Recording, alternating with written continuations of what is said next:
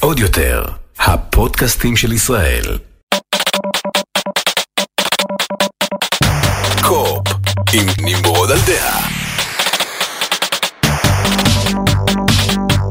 שלום חבר'ה, ברוכים הבאים לפרק מספר 55 של קו-אופ, פודקאסט הגיימינג והטכנולוגיה של טופ גיק ועוד יותר, GTA 6, ייי! כולם שלחו לי רק הודעות כל הזמן, שמעת? יוצא GTA 6, שמעת? הכריזו על GTA 6, איזה כיף GTA 6, חבר'ה, תנמיכו ציפיות. עוד רגע נגיע ללמה כדאי להנמיך ציפיות מ-GTA 6, לפני זה נדבר על עוד משהו שרוקסטאר הודיעו, הם שתקו הרבה זמן, לא שמענו מהם כמעט שום דבר, ולאחרונה פתאום הם אה, הוציאו לפני כמה ימים כמה הודעות נורא קטנות כאלה באיזה בלוג פוסט, אבל משום מה הודעות גדולות. אז בואו נדבר קודם כל על ההודעה שלהם, על השדרוג לקונסולת הדור הבא שאמור להגיע בקרוב. אה, סוף סוף קיבלנו תאריך לגבי מתי זה יקרה ומה זה יכלול בדיוק, הם הכריזו על השדרוג הזה כבר באיזה 2020, משהו כזה, ומאז לא ממש שמענו שום דבר. אה, אני קצת מודאג מזה שהתאריך שהם נתנו לנו הוא ה-15 לשלישי, ממש. אוטוטו, 15 לשלישי 2022, שזה ממש אוטוטו, ולא ראינו שום דבר, לא ראינו שום טריילר, לא ראינו כלום, הם לא עושים על זה. הוא הגדול, זה טיפה מדאיג אותי שהם פשוט כתבו את זה בקטן באיזשהו בלוג פוסט, אבל בואו ניכנס למה מה יכלול השדרוג הזה, 4K 60 FPS, יותר נכון הם כתבו up to 4K and up to 60 FPS, זאת אומרת הקונסולות ינסו לשמור על 4K 60 FPS, אבל זה יהיה נחמד אם הם כן יצליחו, uh, טקסטורות חדות יותר, draw distance גדול יותר, אם אתם לא יודעים, draw distance זה המרחק שאליו אתם יכולים לראות במשחק, שזה חשוב מאוד במשחק עולם פתוח כמו GTA, שאתם נניח טסים במטוס ואתם מסתכלים אה, למרחק, אתם צריכים לראות את כל מה שלפניכם, אז אה, מרונדר למר, למרחק יותר גדול, כמו כן אה, תמיכה ב ray tracing. שזה מעניין, כי אני לא חושב שהיה אי פעם ray tracing ב-GTA. obviously למחשב, כל הגרסאות למחשב, כל המודים והאלה, אז כן, אז היה איזשהו ray tracing, מעניין לראות איך הם אה, יעשו את זה פה, כי אני מתאר לעצמי שזה על ההשתקפויות של המכוניות, ואולי גם על ההשתקפויות על הכביש, אני לא יודע, יהיה מעניין לראות איך הם עושים ray אה, tracing, וגם אה, תמיכה ב-HDR כמובן. מעבר לכך הם אמרו שהקונסולות, כל קונסולה תיתן את היתרונות שלה, זאת אומרת שהם פיתחו יתרונות ספציפיים לכל קונסולה, למרות שהדוגמאות שהם נתנו זה אה, טעינה מהירה יותר, שזה obviously לשתי הקונסולות, כי לשתיהן יש SSD, אבל אמרו גם תמיכה נניח ב haptic feedback, שזה של הפלייסטיישן, ותמיכה ב-3D אודיו, שזה גם כן של הפלייסטיישן. אז, אז נראה שאם יש לכם פלייסטיישן 5, אתם תהנו קצת יותר מהשדרוג הזה, למרות שאני מתאר לעצמי שגם אקסבוקס יהיה לו את היתרונות שלו. מעניין אותי לדעת, הם הרי שמו כבר את GTA 5 בגיימפאס לאיזה תקופה, ואז הוציאו אותו, אני לא יודע, מעניין אם הם יחזירו ויגידו, יאללה, קחו עוד פעם את GTA 5, כולל השדרוג.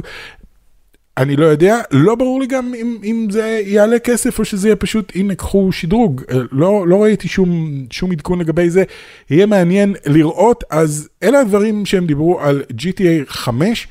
שלהזכירכם, יצא כבר ב-2013, זה משחק כל כך ישן, אלוהים אדירים, הוא יצא ב-2013 לא לקונסולות הדור הקודם, אלא לקונסולות הדור הקודם הקודם, לאקסבוקס 360. מתי שמעתם פעם אחרונה מישהו מדבר על האקסבוקס 360 או הפלייסטיישן 3? אלה הקונסולות שהמשחק GTA 5 יצא עליו, ואז הוא עבר לקונסולה של אחריהם, ועבר שוב, ועכשיו הוא מקבל שדרוג. וכבר חשבנו ש-GTA 6 אה, לעולם לא יבוא, אבל אה, מסתבר שהם אומרים כן, אנחנו, יש אישור, אנחנו אשכרה עובדים בימים אלו על אה, GTA 6. הם לא אמרו את המילה GTA 6, הם לא נקבו בשם GTA 6, הם אמרו אנחנו עובדים על הפרויקט הבא בסדרת GTA. אני מתאר לעצמי שזה GTA 6, למרות שלכו תדעו, אולי זה משהו אחר. אני לא חושב שזה ה remaster ל-GTA 4, שאני יודע שהם עובדים עליו, אבל זה לא הפרויקט הבא שלהם בסדרת GTA, אני מקווה מאוד שזה לא מה שהם התכוונו. אה, אלא הכוונה היא ל-GTA 6, אין ממש פרטים, אנחנו לא יודעים איפה זה יתקיים, מה זה יתקיים. מה שכן, חברים, תנמיכו ציפיות. בואו בוא ניקח את הציפיות שלנו מ-GTA, בכללית כסדרה, ונוריד אותם קצת למטה. יופי, הורדתם? עכשיו בואו נוריד אותם עוד קצת. ולקינוח ממש עוד טיפה, ושם שימו את הציפיות שלכם. בגלל כמה, כמה דברים. אה, אחד, כל, כמעט כל מי שהיה בחברה הזאת, שהיה ברוקסטאר ועבד על סדרת GTA, מ-GTA 1, 2, דרך 3 ו-Vice City וסן אנדריאס ו-4 ו-5, רובם עזבו, רוב האנשים עזבו, אף אחד לא נתן ממש סיבה ללמה הוא עזב, אבל הסיבה היא כנראה חברת טייק 2, שהיא הבעלים בעצם של, של רוקסטאר, היא הבעלים של המשחק הזה. אה, רובם עזבו, ואלה אנשים שכתבו את הטקסטים וחשבו על הרעיונות וחשבו על הסיפור וזה, ואני לא יודע מה איתכם, אבל מה שאני הכי אהבתי בכל uh, סדרת GTA זה את הסיפור, את הדמויות, את הכתיבה, את הסאטירה המטורפת על החברה האמריקאית, זה הכל עשוי כאילו מדהים, מדהים, מדהים, יותר טוב מכל דבר אחר שראיתי, יותר טוב מכל סרט או סדרת טלוויזיה או משהו אחר, או בוודאי יותר טוב מכל משחק אחר, זה היה עשוי נהדר. לאחרונה ראיתי בפייסבוק איזושהי קבוצה שכתבו שם, היי חבר'ה, מה המשחק GTA האהוב עליכם בכל הסדרה? והרבה מאוד אמרו, סן אנדריאס או וייס סיטי, ואני כאילו הרגשתי שאני היחידי שאומר, לא, GTA 5 הוא אשכרה המשחק הכי טוב בסדרה. איך שלא תסתכלו על זה, בכל מובן, הסיפור היה יותר... קוהרנטי ויותר ברור מסיפורים של סי.ג'יי ושל, אה, שכחתי את ריי ליוטה, איך קראו לדמות של ריי ליוטה בווי סיטי, אבל הסיפור היה קוהרנטי, הדמויות היו פשוט מבריקות, היו כתובות מדהים, הרדיו היה נהדר, הכל, השליטה ברכבים, השליטה בדמויות, הנשקים, הכל היה הרבה יותר גדול, הרבה יותר טוב, הרבה יותר מציאותי, הרבה יותר מעניין, זה ללא ספק, לטעמי, משחק ה-GTA הכי טוב שנעשה. אה, יחד עם זה הוא כבר נורא ישן, הגיע הזמן למשהו חדש, אבל בין המשחק הישן לחדש, מה שעומד באמצע זה GTA Online. שעושה סכומי כסף פשוט בלתי נתפסים. אנשים לא מפסיקים לשחק ב-GTA אונליין ולא מפסיקים לקנות Shark Cards וכל מיני דברים כאלה, אז זה עושה להם המון המון כסף. אז אני חושב שבזמן שכשהם באו לעשות את GTA 5, המטרה המוצהרת שלהם הייתה, היי, בואו נעשה את משחק העולם הפתוח לשחקן יחיד הגדול ביותר שנראה אי פעם, המדהים ביותר שנראה אי פעם, המפורט ביותר שנראה אי פעם, עם הסיפור הכי טוב שאנחנו יכולים לחשוב עליו. באמת, אפשר להרגיש את כל ה passion ואת כל התקציב שהושקע שם כדי ליצור באמת את החוויית single player המטורפת הזאת, ואחר כך הם אמרו, היי, בואו, הנה. mode קטן, נחמד, נאפשר לכם לרוץ ביחד בעיר הגדולה, הנה GTA Online, וזה הפך להיות להיט, ומאז עושה רושם שכל מה שמעניין את רוקסטאר, ובעיקר את טייק 2, זה עוד אונליין, איך עושים אונליין, ואני מרגיש שהפעם כשהם מתיישבים לעשות את GTA 6, מה שמעניין אותם בתכל'ס זה, אוקיי, איך אנחנו עושים GTA Online 2, קודם כל, איך אנחנו משפרים את האונליין, ואיך אנחנו נותנים לשחקנים שלנו עוד דרכים להוציא בהם כסף שם, ומה אנחנו יכולים לשפר שלא היה בגרסה הקודמת, ובואו נוסיף לזה גם single uh, player. זה קצת כמו שהיה עם Call of Duty. Call of Duty במשך שנים היה single player, פשוט single player, עד שהוציאו mode multiplayer, וה mode multiplayer הזה היה כל כך מצליח, שמאז כאילו הם עובדים על ה multiplayer, ומכניסים גם איזה שעתיים שלוש של single player. בשביל הכיף, בשביל הסבבה, ולפעמים גם אומרים, השנה לא יהיה single player. אז חברים, תורידו ציפיות מ-GTA 6, כך לא תתאכזבו. Uh, ככל שהציפיות שלכם יהיו יותר גבוהות, אם אתם חושבים שזה יהיה יותר טוב מ-GTA 5, לא, אני מצטער להיות זה שמבאס אתכם, אבל אני מרגיש שלא, ממש לא, זה לא הולך להיות יותר טוב מ-GTA 5, זה הולך להיות GTA Online 2, עם, עם, עם, עם קצת single player בפנים כדי לרצות את, את השחקנים. צר לי, זאת התחושה שלי, הלוואי, הלוואי, וזה לא יהיה נכון. Um, אז בואו נמשיך, אה, נעבור הלאה לקצת אה, טכנולוגיה, ואי אפשר שלא לדבר על המהפך המאוד מאוד גדול שקרה ב- לפני כמה, שלושה, ארבעה ימים, תלוי ממתי אני מקליט את זה, אה, חברת מטא. הלוא היא פייסבוק, סוף סוף כל, כל העיתונים בישראל יכלו סוף סוף לכתוב פייסבוק מתה ו- ולצחוק לעצמם ולחשוב שהם הראשונים שחשבו על זה, אבל uh, המניה של פייסבוק צנחה בכמה, 20 ומשהו אה, אחוז, והחברה הפסידה מהערך שלה 230 מיליארד דולר, אה, שזה היה הצניחה הגדולה ביותר, ההתרסקות הגדולה ביותר של איזושהי חברה אי פעם בהיסטוריה של הבורסה, 230, אה, הפסד של 230 מיליארד דולר בכמה דקות. זאת אומרת, אה, קרה משהו, אני אגיד לכם מה קרה, ואז פשוט כולם למכור, למכור, למכור, למכור, והערך... ירד אה, ב-20 ומשהו אחוז, מאז הוא המשיך לרדת בעוד איזה חמישה אחוז, אה, הם הפסידו למעלה מ-230 מיליארד דולר. עכשיו, זה לא שהם הפסידו את הכסף הזה, זה לא שיש להם עכשיו 230 מיליארד דולר פחות, זה שהפוטנציאל הרווחי שלהם שווה הרבה הרבה פחות. החברה עצמה שווה 230 מיליארד דולר פחות. איך זה קרה? אה, בכנס אה, של אה, משקיעים, אה, בכל רבעון, כל חברה צריכה להודיע למשקיעים. איך היא התקדמה, איך היא עמדה ביעדים שהיא הציבה לעצמה, כשהיעדים הם תמיד לגדול. אנחנו, איך אנחנו ברבעון הבא יותר גדולים ממה שאנחנו עכשיו. אף משקיע לא רוצה לשמוע, אנחנו נמשיך כרגיל, הכל טוב, אנחנו נשארים במקום, אין להישאר במקום, יש להתקדם. והפעם אה, פייסבוק, או יותר נכון, מרק צוקרברג אה, היה צריך לעמוד ולהגיד למשקיעים, אה, חברים, פעם הראשונה, מאז הקמת החברה, מספר המנויים בפייסבוק, ירד, אה, הפסדנו מיליון מנויים. עכשיו, פייסבוק קיימים כבר, אני חושב, קרוב ל-18 שנה, ובאמת שהם היו תמיד אך ורק בעלייה של מספר המנויים, והפעם הם הפסידו מיליון מנויים, ומיליון מנויים נשמע אולי הרבה, אבל יחסית ל-1.9 מיליארד מנויים שיש לפייסבוק, זה באמת סכום די זעום, זה, זה עדיין מיליון איש, אבל זה סכום יחסית זעום, יחסית למה שיש לחברה, אבל המשקיעים מאוד לא אהבו לשמוע את זה שהייתה אה, ירידה, כמו כן הייתה להם, היה להם גם הפסד אה, ב, ב, בהכנסות ובפרסומות, פחות מפרסמים, את כל זה הם היו צריכים להגיד למשקיעים שלהם. והתוצאה הייתה נטישה נורא נורא נורא גדולה של המשקיעים, אה, מכירה של המניות וצניחה של, ה... ש... של... של פייסבוק ב-230 מיליארד דולר, סליחה, של מטא ב-230 מיליארד דולר. מרק צוקרברג, אני חייב להגיד, היה מאוד מאוד כנה לגבי למה כל זה קורה, והוא אמר, אה, הסיבה היא שאנשים עוזבים את פייסבוק ועוברים לטיק טוק אה, ולפלטפורמות אחרות כמו טיק טוק. אה, טיק טוק בעלייה מטורפת. כל העולם של ה social media משתנה מאוד, וכולנו כבר יודעים שפייסבוק... זה די רשת לזקנים, זה רשת לאנשים כמוני, בומרים, זה רשת לבומרים, זה Face Boomer Book או משהו כזה. אה, זה סבתא שרוצה לראות את התמונות של הנכדים שלה או כל מיני דברים כאלה. אין יותר מדי צעירים היום, וגם אני חייב להגיד שבטיק טוק, גם כן, זה, זה לא רק צעירים, לטיק טוק יצא מין שם כזה שכאילו הכל זה רק ילדות בנות 12 רוקדות, אבל מניסיון שלי בטיק טוק, הרבה אנשים בגילי והרבה אנשים יותר מבוגרים ממני, אה, אז, אז הייתה נהירה לכיוון טיק טוק ולכיוון מקומות אחרים.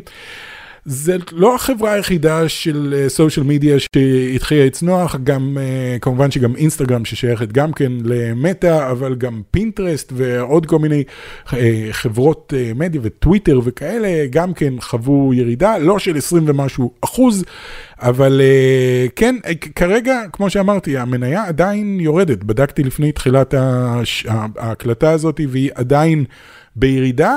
יכול להיות שזה דווקא הזמן לקנות מניות של מטא, בעיקר אם אתם מאמינים במטאוורס. אה, עושה רושם שיש פה איזשהו מהפך. אה, אוקיי, פייסבוק כבר לא מה שהוא היה וגם לא יהיה מה שהוא היה אף פעם, אז אה, הגיע הזמן לעבור לדבר הבא, זה מה שאמרו רוב המשקיעים, אבל זה גם מה שפייסבוק עצמם אמרו, זה מה שמטא אמרו. זאת הסיבה שקוראים להם עכשיו מטא.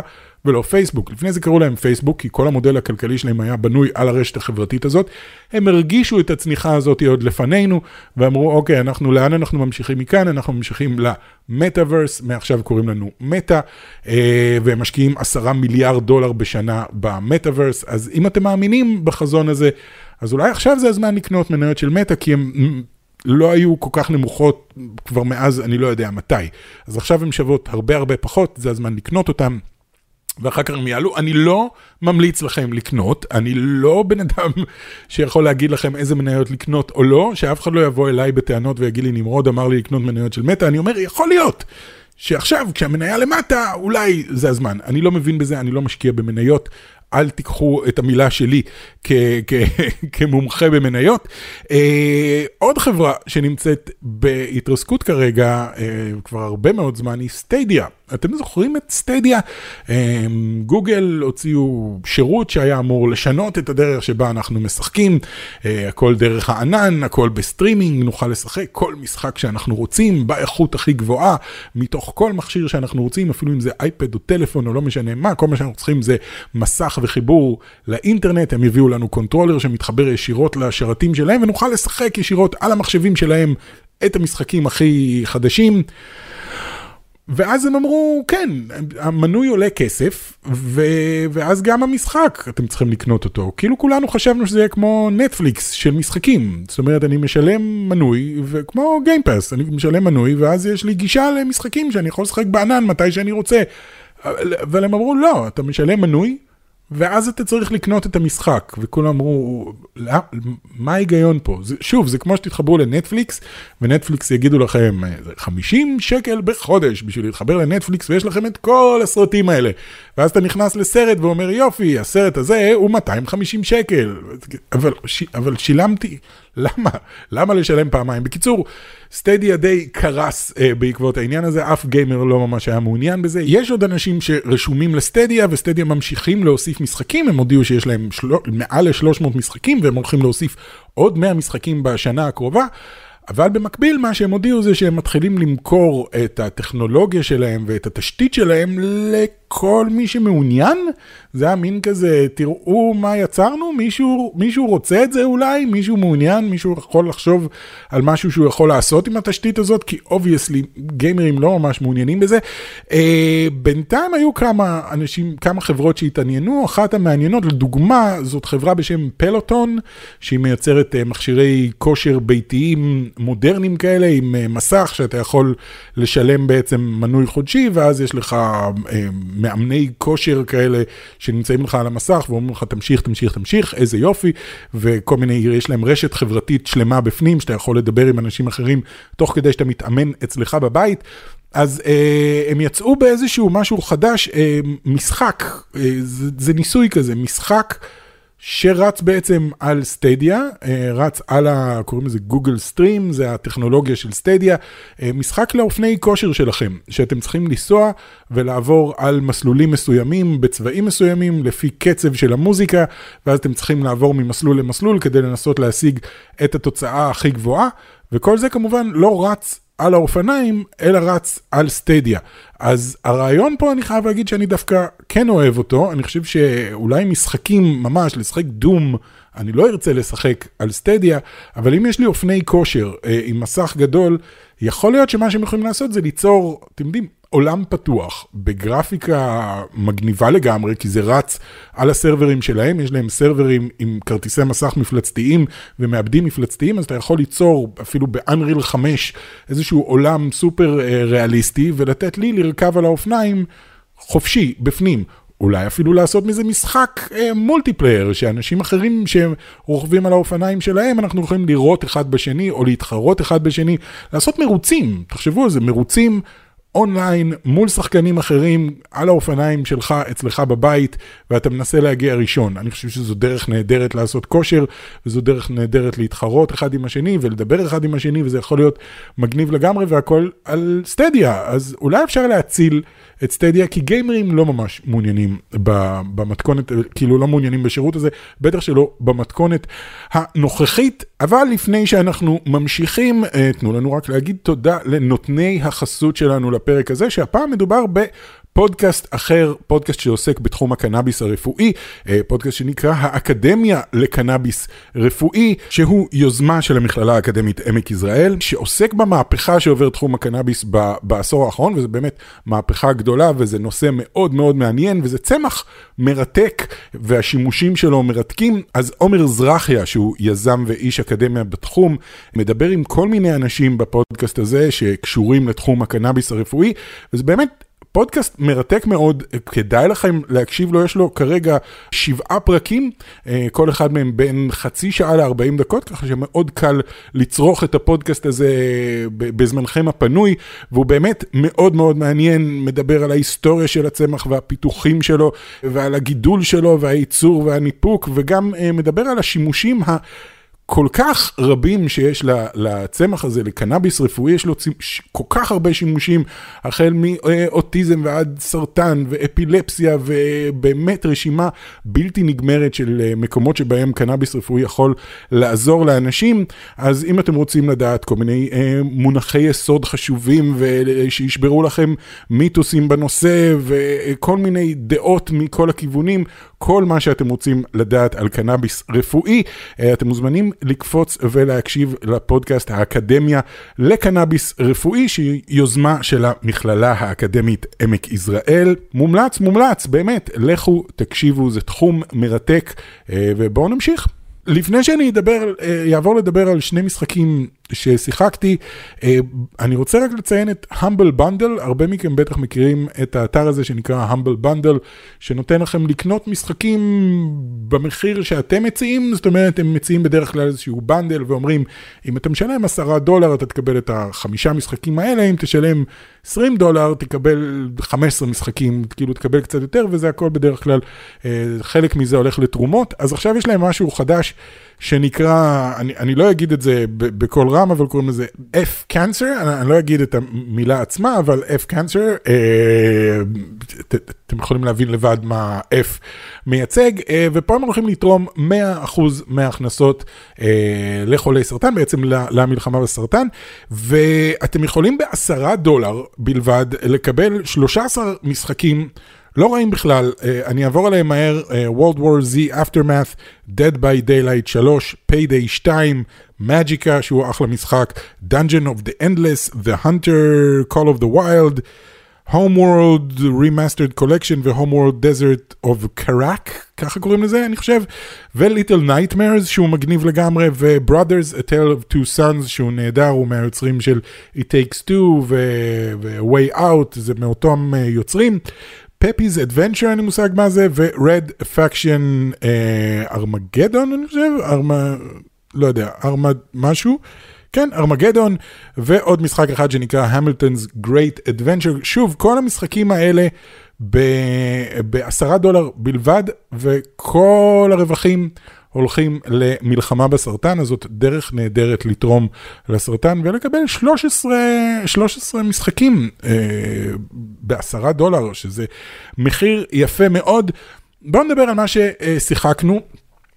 מה ששיחקתי אה, השבוע, אני אתחיל עם פוקימון Legends Arceus. שניסיתי לשחק אותו והוא הוכיח לי באופן סופי שאני כנראה לא בנוי למשחקי פוקימון, אני ממש מצטער, אני מרגיש איך אני מאכזב פה הרבה מכם שמאוד מאוד אוהבים פוקימון ואני מבין, אני מבין אתכם, אני מבין למה אתם אוהבים פוקימון, אני אישית לא מצליח להתחבר לסדרה הזאת, לא משנה כמה ניסיתי, וניסיתי המון, לאחרונה ניסיתי את פוקימון Sword and Shield ואת Let's Go פיקאצ'ו ו Shiny Diamond או איך שלא קראו לזה, ועכשיו את Arceus והייתי בטוח שזה היה המשחק. משחק שיצליח לחבר אותי סוף סוף אה, לעולם הזה של פוקימון, כי הוא נראה עולם מגניב לחלוטין. אבל, אבל זה, זה לא מה שקיוויתי, אה, אני קיוויתי לאיזשהו Legend of Zelda Breath of the Wild רק עם פוקימונים, משהו הרבה יותר, כאילו זה עולם פתוח, אבל קיוויתי שיהיה בו קצת יותר תוכן. בסופו של דבר זה נשאר בדיוק אותו משחק פוקימון שאתם הולכים ואתם מחפשים פוקימונים ואתם זורקים עליהם כדורים ואחר כך אתם נותנים לפוקימון להילחם בפוקימון. אז כן, אני יכול לרכב פה על פוקימונים, אה, וכן, זה עולם פתוח ואני יכול לבחור לחלוטין לאן אני רוצה ללכת.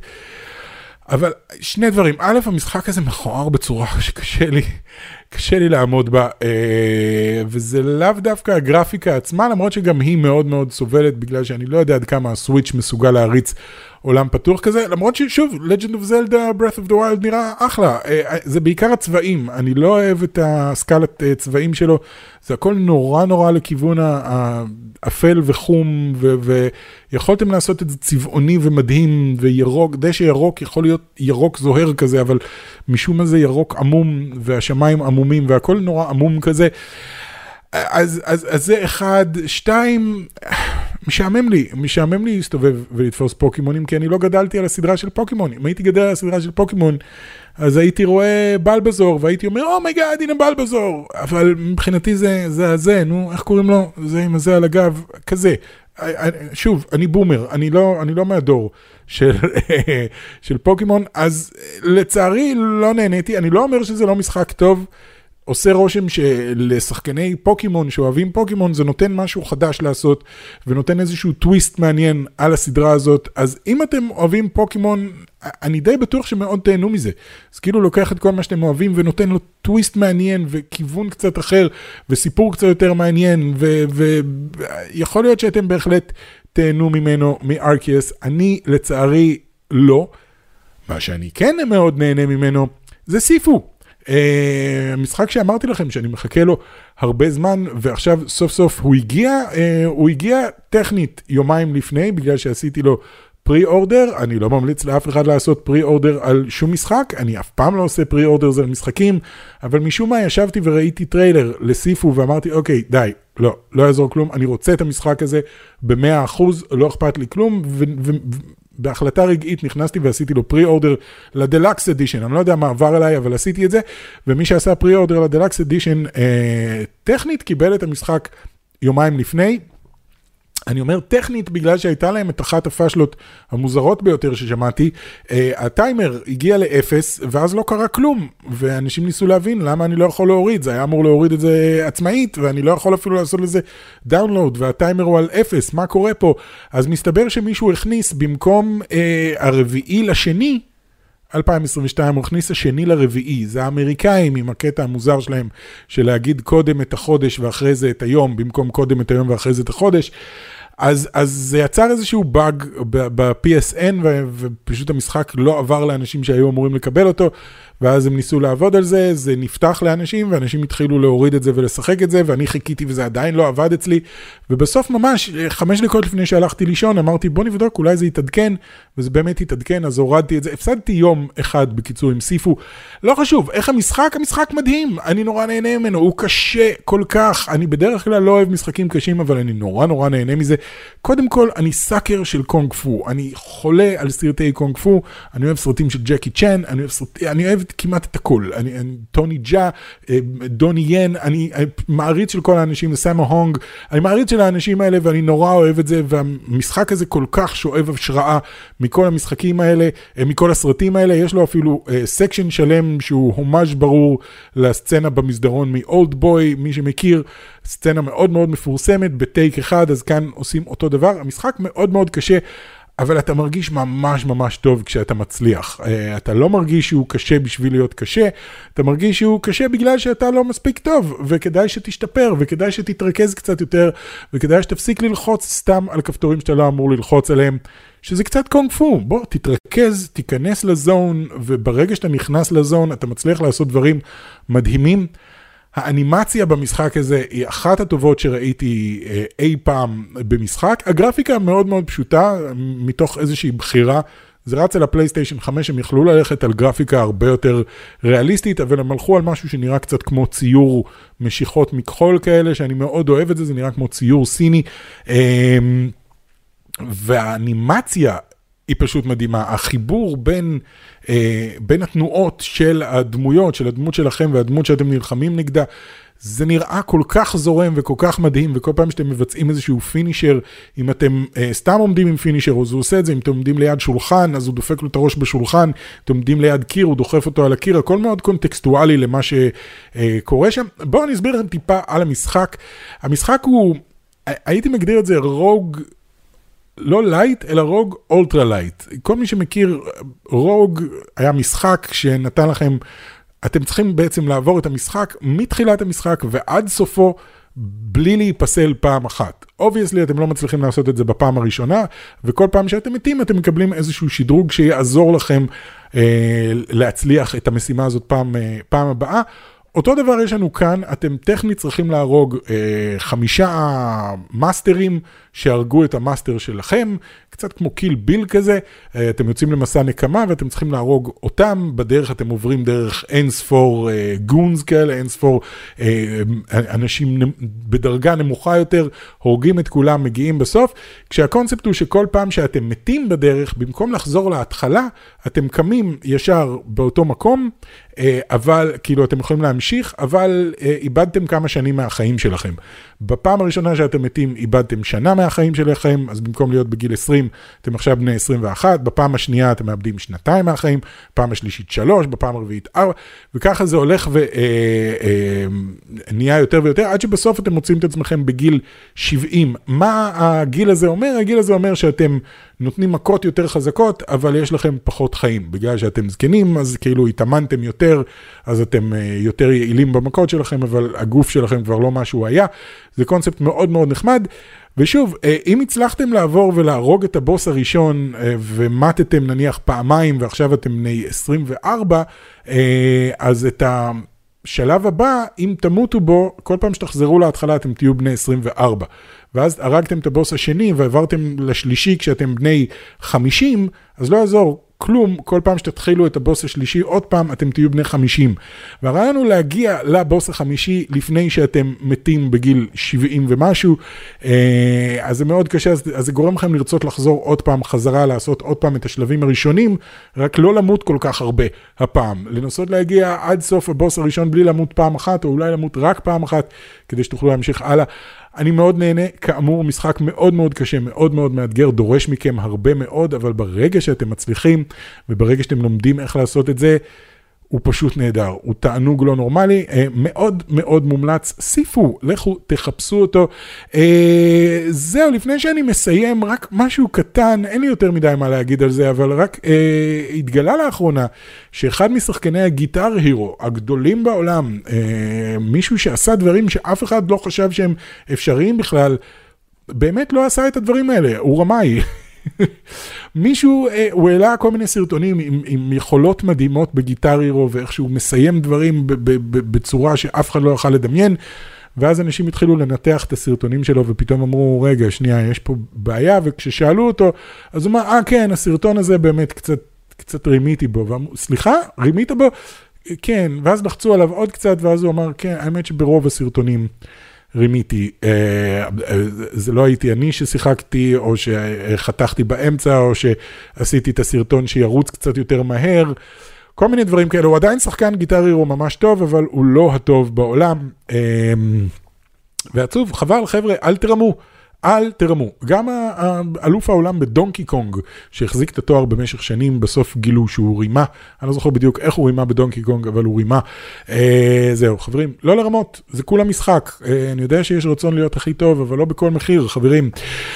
זהו, זה הפודקאסט שלנו להפעם. תצטרפו אליי גם בשבוע הבא, אל תשכחו להירשם אלינו בפו, בכל פלטפורמות הפודקאסטים האפשריות, בגוגל, ב iTunes, בכל מקום אפשרי, ב Deezer וכמובן בספוטיפיי, וגם לראות אותנו ביוטיוב.